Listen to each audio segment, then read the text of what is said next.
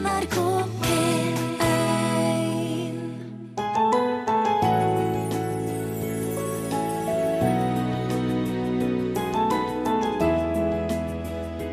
På slutten av 90-tallet flytta ei optimistisk Trine Rein til USA for å finne ny inspirasjon til musikken.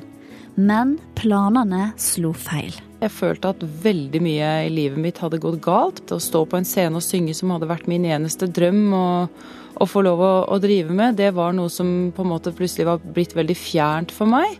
Langt nede i et framandland. Men en varm sommerdag opplever den norske artisten et nærvær av Gud som gir henne trua tilbake. Det var akkurat som jeg ble omringet av et eller annet guddommelig. For det, det, kan ikke ha vært noe annet enn guddommelig. Den kjærligheten den var så stor og så betingelsesløs. Hei og god formiddag. I Mellom himmel og jord skal mellom annet Trine Rein fortelle om den åndelige opplevelsen hun hadde i ei kirke i Los Angeles. Jeg heter Camilla Kjønn Tingvoll, så hyggelig at du er med oss denne søndagen. Og vi skal holde oss i det musikalske hjørnet denne søndagen. For etter suksessen som artist i Norge, så flytta Trine Reine til USA for å finne ny inspirasjon til musikken. Men planene hennes slo feil. Trine hun enda opp som sjåfør for andre artister. I den vanskelige tida så begynte Trine å leite etter seg sjøl, og ikke minst så lette hun etter Gud. Jeg tror jeg bare alltid har hatt en overbevisning om at det finnes en gud. Jeg har jo vært innom veldig mye forskjellig litteratur, mange retninger, og søkt litt og vært innom masse mystikk. Og syns at det har vært veldig mye spennende med forskjellige krefter som finnes, og energier og sånt noe. Men jeg syns jo for hver sånn, hva skal man kalle det, selvhjelpsbok, da Jeg var også innom New Age-litteraturen, og for hver sånn bok jeg fant frem og leste, så, så følte jeg jo at jeg hadde funnet svaret på alt her i verden. og og, og tenkte at uh, dette må jeg fortelle alle. Uh, og det varte helt til jeg leste neste bok innenfor samme retning. Uh, New Age eller en eller annen Jeg følte liksom alltid at jeg fant svaret på alt mulig, og nå vet jeg hvordan jeg skal leve livet mitt for å ha et bra liv. Men når jeg ser tilbake, så var det jo aldri noen rød tråd i den litteraturen. Det var på en måte bare litt sånn litt her og litt der, og noe var kanskje bygget på eh, en sannhet som var hentet fra Bibelen, noe var bygget på en sannhet som var hentet fra buddhismen. Eh, men så var det på en måte bare sånn føleri, følte jeg veldig mye. Og, og, ikke noe som kunne gi meg noe håndfast og konkret og, og et fundament som jeg på en måte kunne bygge min tilværelse på. Eh, og så, så, hadde jeg jo da denne spesielle opplevelsen eh, jeg var i USA. Jeg følte at veldig mye i livet mitt hadde gått galt på veldig mange arenaer. Jeg følte at jeg sto og stagnerte på musikken, og dette å stå på en scene og synge som hadde vært min eneste drøm og, å få lov å, å drive med, det var noe som på en måte plutselig var blitt veldig fjernt for meg. Eh, jeg hadde, jeg hadde, ikke noe jobb som jeg syntes var noe spennende. Jeg hadde ikke noe sted å bo. Og jeg, jeg følte liksom at alt hadde, hadde skjært seg. Og så gikk jeg inn i en litt tilfeldig kirke i Los Angeles, og eh, så hadde jeg Jeg klarer ikke å huske hva pastoren snakket om, men plutselig så satt jeg der og, og kjente at jeg har jo egentlig helt enormt mye å være takknemlig for. Jeg, jeg bare selv om jeg føler at jeg, nå har jeg veldig lite penger på kontoen, jeg vet ikke hvor jeg skal bo, jeg vet ikke helt hva jeg skal jobbe med, men allikevel så har jeg jeg har en tannbørste, jeg har en bil, jeg har en familie, altså jeg har venner. Jeg begynte å takke for veldig mye av det jeg har i, i livet mitt, og, og fant ut at du verden, jeg er jo egentlig kjemperik.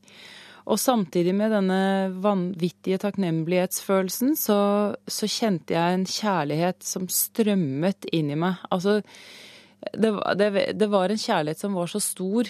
Eh, ma, mamma elsker meg, jeg, jeg, elsker søsteren min, jeg, jeg elsker samboeren min, men all den kjærligheten som jeg hadde følt på her på jorden, den kunne ikke måle seg i det hele tatt med den vanvittige kjærligheten som jeg kjente akkurat der og da. Det var akkurat som jeg ble omringet av et eller annet guddommelig. For det, det, kan ikke ha vært noe annet enn guddommelig. Den kjærligheten den var så stor og så eh, den, den, var så stor og så um, betingelsesløs. Den bare var, og, og den var rettet mot meg. Uh, og jeg følte at jeg, jeg, hadde lyst til å legge meg ned på gulvet og bare grine, takke for alt jeg hadde. Og jeg var, jeg var bare så uendelig takknemlig. Uh, og for meg så var det et, uh, et møte, fysisk møte, med Gud. Og etter det så har jeg aldri vært i tvil. Han finnes. Det er, det, det er ikke bare noe jeg har bestemt meg for å tro på, men det er noe som jeg har opplevd fysisk, og som jeg har med meg i hverdagen min hver eneste dag av livet mitt. Hvordan føltes denne kjærligheten? Det er veldig vanskelig å si hvordan denne kjærligheten føltes. Jeg har prøvd å legge sammen alt jeg har opplevd av kjærlighet tidligere, i form av me mellom mennesker, mellom um, familie, uh, kjærlighet til musikk, kjærlighet til natur, kjærlighet til dyr. Altså, det nytter ikke. Den kjærligheten jeg følte der, den var så voldsom, så stor og så betingelsesløs at at jeg kan ikke sammenligne med noen ting. Jeg tenkte hvis noen kan elske meg så høyt, da, altså, hva, da, da, må jeg jo kunne gjøre hva som helst. Altså, jeg begynte å gå litt på sånn hva jeg har av egne ressurser, hva jeg har av egne ambisjoner, hva jeg kan få til. ikke sant? Det begynte å bli mindre farlig, for jeg bare følte at hvis noen elsker meg så høyt, da kan jo jeg gjøre hva som helst. Da kan jeg få til hva som helst. Og så begynte drømmene. Så det, jeg, jeg, tenker at hvis hvert enkelt menneske her i verden er elsket så høyt som jeg kjente den gangen, da, da kan det ikke gå galt, da. Da har vi ikke noe å bekymre oss for. Kjenner du det fortsatt elska på den måten? Ja, jeg gjør det, men jeg, jeg, kjenner meg, jeg, kjenner meg, fortsatt elsket på den måten. Men samtidig så kjenner jeg at jeg savner ofte å oppleve den den følelsen en gang til. Altså den voldsomme fysiske kjærligheten som jeg kjente der og da i kirken, den kunne jeg tenke meg å oppleve mer av. Og føle på oftere. Men jeg, jeg, har, jeg har, jo det med meg, det bærer jeg inni meg som en, som en gave. Og jeg tror at eh, det er en gave jeg har fått som jeg også kan gi videre til andre. Ikke i form av at jeg klarer å elske noen så høyt som jeg følte meg elsket akkurat den gangen, men jeg, jeg tror at jeg kan fortelle om den opplevelsen som jeg hadde. Og, og, jeg tror også noe av det jeg gjorde den gangen, det var jo at jeg gikk inn i en kirke med åpent sinn. Og jeg tenkte at kanskje kirken kan ha noe for meg. Kanskje, kanskje dette de snakker om i kirken kan være noe for meg. Fordi jeg var jo i en situasjon hvor jeg følte at jeg hadde feilet på veldig mange arenaer i livet mitt. Og når jeg da åpnet meg for det, så, så fikk jeg den, eh, denne kjærlighetsopplevelsen. Og da tenker jeg jøss, er det så enkelt? Man bare på en måte åpner opp og, og sier ja, det vil jeg gjerne prøve. Akkurat som man går inn i en klesbutikk og prøver et nytt plagg, og hvis man ikke liker det, skal man ta det av seg, liksom. Men jeg, jeg gikk da inn i, i kirken, eller denne klesbutikken, prøvde på meg denne kappen med med hva har de å tilby meg her av eh, hva er det de snakker om, dette som står i Bibelen, og hva er det for et budskap? Og så fikk jeg altså en kappe som passet akkurat, som jeg aldri har ønsket å ta meg etterpå. Fins det noe guddommelig, noe ukrenkelig? Tre munner gjør seg nå klare til å diskutere et nytt ord her i Mellom himmel og jord. Panelet. Jeg heter Beate. Og nå når eh, det begynner å gå mot høsten, så tar jeg fram de svarte klærne mine. Det er liksom at det er høsten og vinteren og gå i litt mørkere klær. Jeg liker svart veldig godt. Men da går jeg alltid med en rød leppestift i lomma. Ja, jeg heter Didrik Søderlind. Jeg har ikke på meg noe svart i dag, faktisk. Det er jo det verste jeg veit, er å presentere meg. Og klapp en litt på skuldra, Didrik. Å, jeg kan kose på armen hans. Jeg heter Marius Huseby, og jeg liker å late som om jeg er musiker.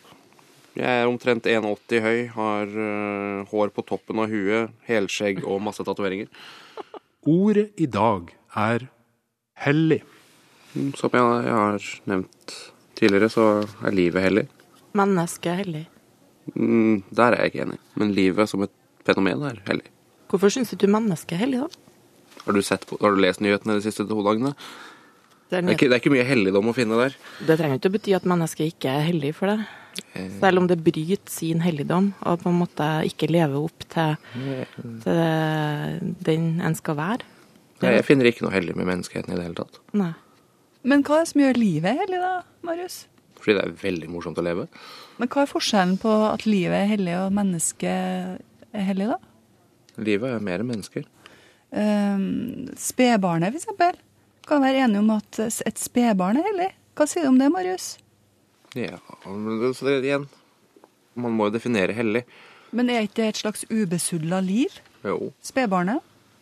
absolutt. Kan dere bli enige om noe som er hellig, dere treene? En kristen, en satanist og en humanist? Jeg vet ikke. Jeg vil helst ikke bruke ordet hellig, jeg. Men, men Er det fordi at du liksom eh, forbinder det med noe religiøst, da? At du syns at det blir noe negativt, da? for meg så er mennesket langt på vei ukrenkelig. Altså, vi skal ikke, altså, mennesket skal, skal vernes, men, men menneskelivet hellig som sådan. Ja, Det kan jo kanskje være at, jeg, at det for meg klinger for mye med f.eks. den katolske kirkens argumenter mot prevensjon, f.eks. at li, menneskelivet i seg selv er hellig og skal ikke på noen måte hindres og sånn. Men jeg har lært uh, i kirka at uh, ordet hellig, det betyr det samme som ukrenkelig. Det er en. Du kan si jeg er enig med deg, det er et religiøst ord som trenger en oversettelse. Og den oversettelsen som vi bruker i kirka for det, er ukrenkelig.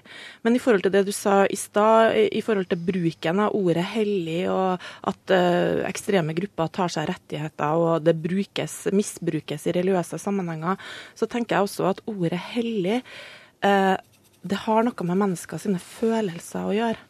Eh, derfor så er det noe irrasjonelt ved det som mm. vi også må lytte til. Hva som er hellig for et menneske, eh, det, det, det er på en måte hinsides det rasjonelle. Eh, og for å forstå det, så må vi komme eh, andre mennesker i møte i det som de beskriver som hellig for seg. Ikke at vi skal godta urett, at det brukes for å begå urett. Men, men jeg tenker at er vi har en lytteøvelse å gjøre. Men, men man velger selv hva slags språkbruk man vil ha, eh, tenker jeg. Og jeg, for meg så, så er ikke hellig et godt begrep eh, i min, da, i min spr egen språkbruk. Du Didrik, elsker du noen da? Eller har du elska noen? Ja, jeg, jeg, elsker, jeg elsker noen, jeg vil Du påstå det. det? Ja, eh, er ikke det hellig, da? En grenseoverskridende opplevelse, noe som er utenfor det rasjonelle. Noe som er større enn oss selv. Da ville jeg heller, heller kalt, det transcenderende enn jeg ville kalt det hellig. Okay. Det å kalle noe hellig, det er med på å gjøre det veldig veldig vanskelig å analysere det, veldig vanskelig å problematisere det, veldig vanskelig å se på det på uventede, artige måter. Det blir, jeg. det blir tilslørende på en måte. Ja, det blir tilslørende, og det, det gjør ting vanskeligere. For eksempel, altså jeg elsker min kone, men jeg syns jo også at det er morsomt å kunne reflektere over at denne en enorme følelsen som jeg, som jeg kjenner, også har en biologisk basis, og at den henger sammen med grunnleggende biologiske drifter osv. Og for meg så er det det øyeblikket man begynner å si at den kjærligheten er hellig, så blir det veldig vanskelig å, å, å tenke på det på den måten. Så, så, så jeg, jeg, jeg syns som sådan at helligdomsbegrepet fungerer dårlig. Det jeg kan være med på det til en viss grad, det er det hellige som en slags estetisk kategori. Altså når man står utenfor Nidarosdomen og lar seg overvelde. Altså, der syns jeg at altså, det hellige kan funke på en eller annen måte. En hellig arkitektur. Det, det kan jeg bruke, men det, det blir på en Det blir på en eh, Altså, jeg kjøper jo ikke at Nidarosdomen er hellig. I noen forstand. Det er jo en haug med stein og mørtel. Og, Da har det vært der veldig lite. Altså, jeg går ut og inn der hver dag. Jeg har vært i Nidarosdomen noen ganger, og jeg, ja, det er en fantastisk bygning, og det er en nasjonalskatt. Eh, og det er en verdenskulturskatt, men, men det er, den er ikke hellig. Det er en haug med stein. Men går det an å bli for, eh, for kritisk til hvordan man bruker ord, Didrik? Helt sikkert. Kan det bli for eh, rasjonelt, sånn som Beate er inne på her, at det er viktig at vi lytter til det irrasjonelle i det her ordet? Altså, jeg er jo et ekstremt irrasjonelt menneske. Jeg er følelsesdrevet eh, og stemningsmenneske Du bare later som eh, du er som sådan. Men, men jeg, men jeg syns også det er interessant å reflektere rundt disse tingene. Og, og jeg har kommet, kommet til at det hellige er et dårlig ord for meg personlig å bruke. Jeg har ikke noe ønske om å stoppe noen andre å bruke det, men, men for meg så funker det ikke. Men kan vi konkludere med at uh, Marius er mer altså, Satanisten er mer åpen for det hellige enn humanisten? Antageligvis. Det kan godt være. Det kan godt være. Men uh, igjen så godtar ikke jeg helligdomsdefinisjonen til, uh, Beate her, da. Men for deg er livet hellig. Ja. Er livet hellig for alle? Alle tre? Ja, ja. Skal vi konkludere med det, Didi? Nei, I noen forstand så kan jeg vel kanskje gå om på det, kanskje. Nå føler jeg at det er veldig vanskelig her. Nå skulle jeg nesten til å si amen, men jeg kan Jeg trodde det var jeg som skulle være kontrær. Halleluja! Enige? Nei, det er det ikke. Men heldigvis eh, så kan det koste på seg en real magelatter. Både den kristne, satanisten og humanisten. Marius Huseby, Didrik Søderlind og Beate Lerdal satt i panelet vårt i dag. Er du glad i å reise? Ja, sjansene er nok store for at du liker det godt. Vi nordmenn vi reiser mer og mer og lenger og lenger og mange av reisemåla er til heilage steder. Ragnar Hatlem han har i lag med forfatterkollega Jens A. Risnes skrevet boka 'Verdens helligste 1001 fantastiske reisemål'. Forrige veka så fortalte han om opplevelsen av å være på slike plasser. Denne søndagen så skal han gi oss et knippe reisetips til heilage steder over hele verden. Og så kom jeg frem til Phnom Penh, veldig fascinerende by. Eh, videre til Agovat, du som heter Egypt, er jo selvfølgelig det landet i Afrika som har Han har mange reisetips, Ragnar Hatlem, for den som vil reise til hellige steder. For sammen med forfatterkollega Jens A. Risnes har de skrevet boka Verdens helligste 1001 fantastiske reisemål. Eller Det er vel ca. 1150 i alt. Og over 300 av de plassene har Ragnar sjøl vært på. Hvor vil han anbefale oss å reise? Du kan jo nevne Sør-Amerika, der man opplever blanding av eh, kristendom og innfødte gamle religioner. Og da oppleve ganske hedenske ritualer på utsiden av en katedral, eh, som eksempel i Cocacabana i Bolivia. Stranden i Rio de Janeiro har jo navn etter det stedet, av stedets hellighet. Der var det jo fascinerende å se biler bli velsignet, så prestene velsigner bilene. Kommer du bare kjørende inn da, Ja. eller? Ja, Det er drive-by blessing? Ja. Går man da litt utenfor, så ser man andre hedenske ritualer bli utført. På en høyde like ved der kunne man jo se eh, salg av biler og hus i papp, og så kan man brenne dette på et offerbål under en Maria-statue. Det skulle jo da sikre at man i løpet av kommende år ville få oppfylt ønsket om å få bil eller hus eller hva det nå måtte være. Selv bodde vi på hotell på selve heksemarkedet. Heksemarked, det må du forklare. Ja, det er jo rett og slett bare en eh, gate der eh, de holder til, de som da selger f.eks. tørkede lamafostre og andre ingredienser som kan brukes i eh, kjærlighetsdrikk eller det motsatte, eller hva man nå måtte utføre av eh, hedenske ritualer. Så eh, det det er hellighet overalt. I Nord-Amerika derimot er det ikke like tett mellom de hellige stedene. I alle fall ikke de plassene vi kan besøke. Selvfølgelig så hadde jo indianerne veldig mange hellige steder rundt omkring, og vi har jo noen med i boken. Men da de hvite trengte utover prærien mot vest, så ødela de det aller meste. Vi har vel nevnt et sted som blir kalt for Medicine Wheel.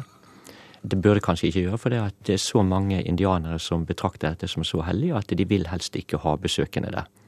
Det er et sted der man drar, kommer i transe og kommer i kontakt med, med åndene. Asia er mye mennesker og mye religion, og ikke minst mange reisemål. Ragnar får problemer med å begrense på dette kontinentet. Tibet er jo av og til åpent for nordmenn. Og det å oppleve Potala, den hellige bygningen, og andre templer i og omkring Lasa, det er jo noe man absolutt bør unne seg når muligheten byr seg. Nechtung-tempelet, der statsorakelet holdt til.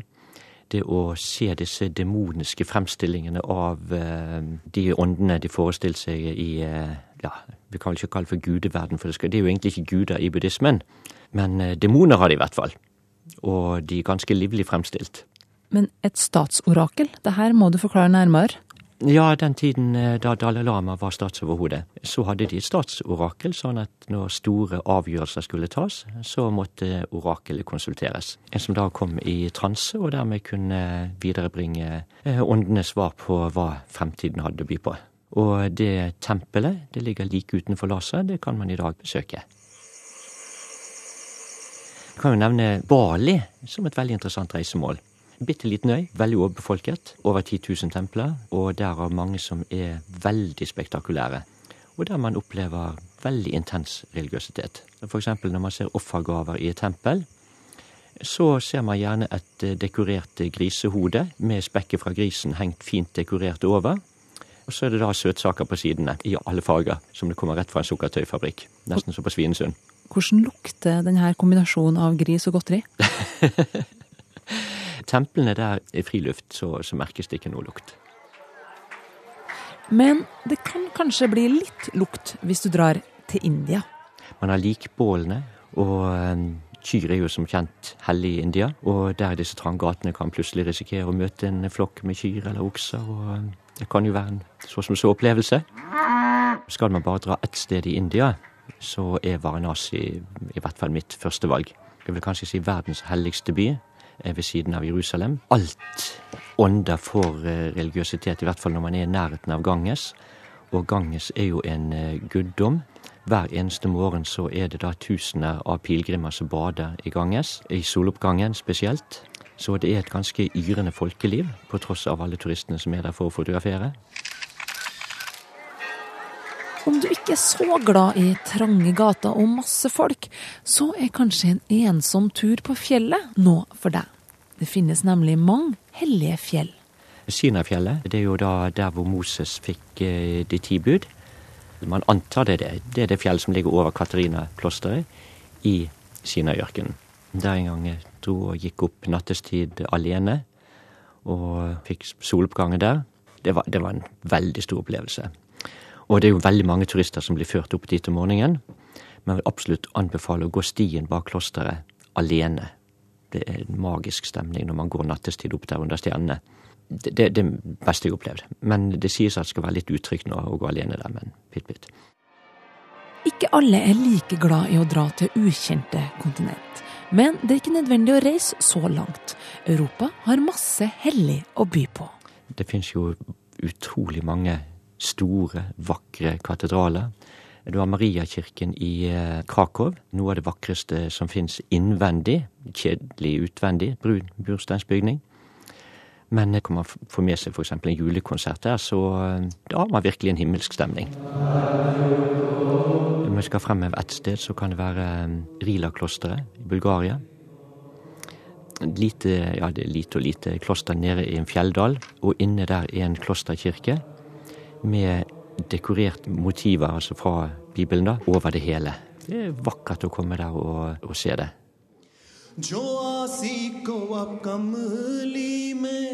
Altså, Den blå moské i Istanbul er jo et av høydepunktene i den islamske verden.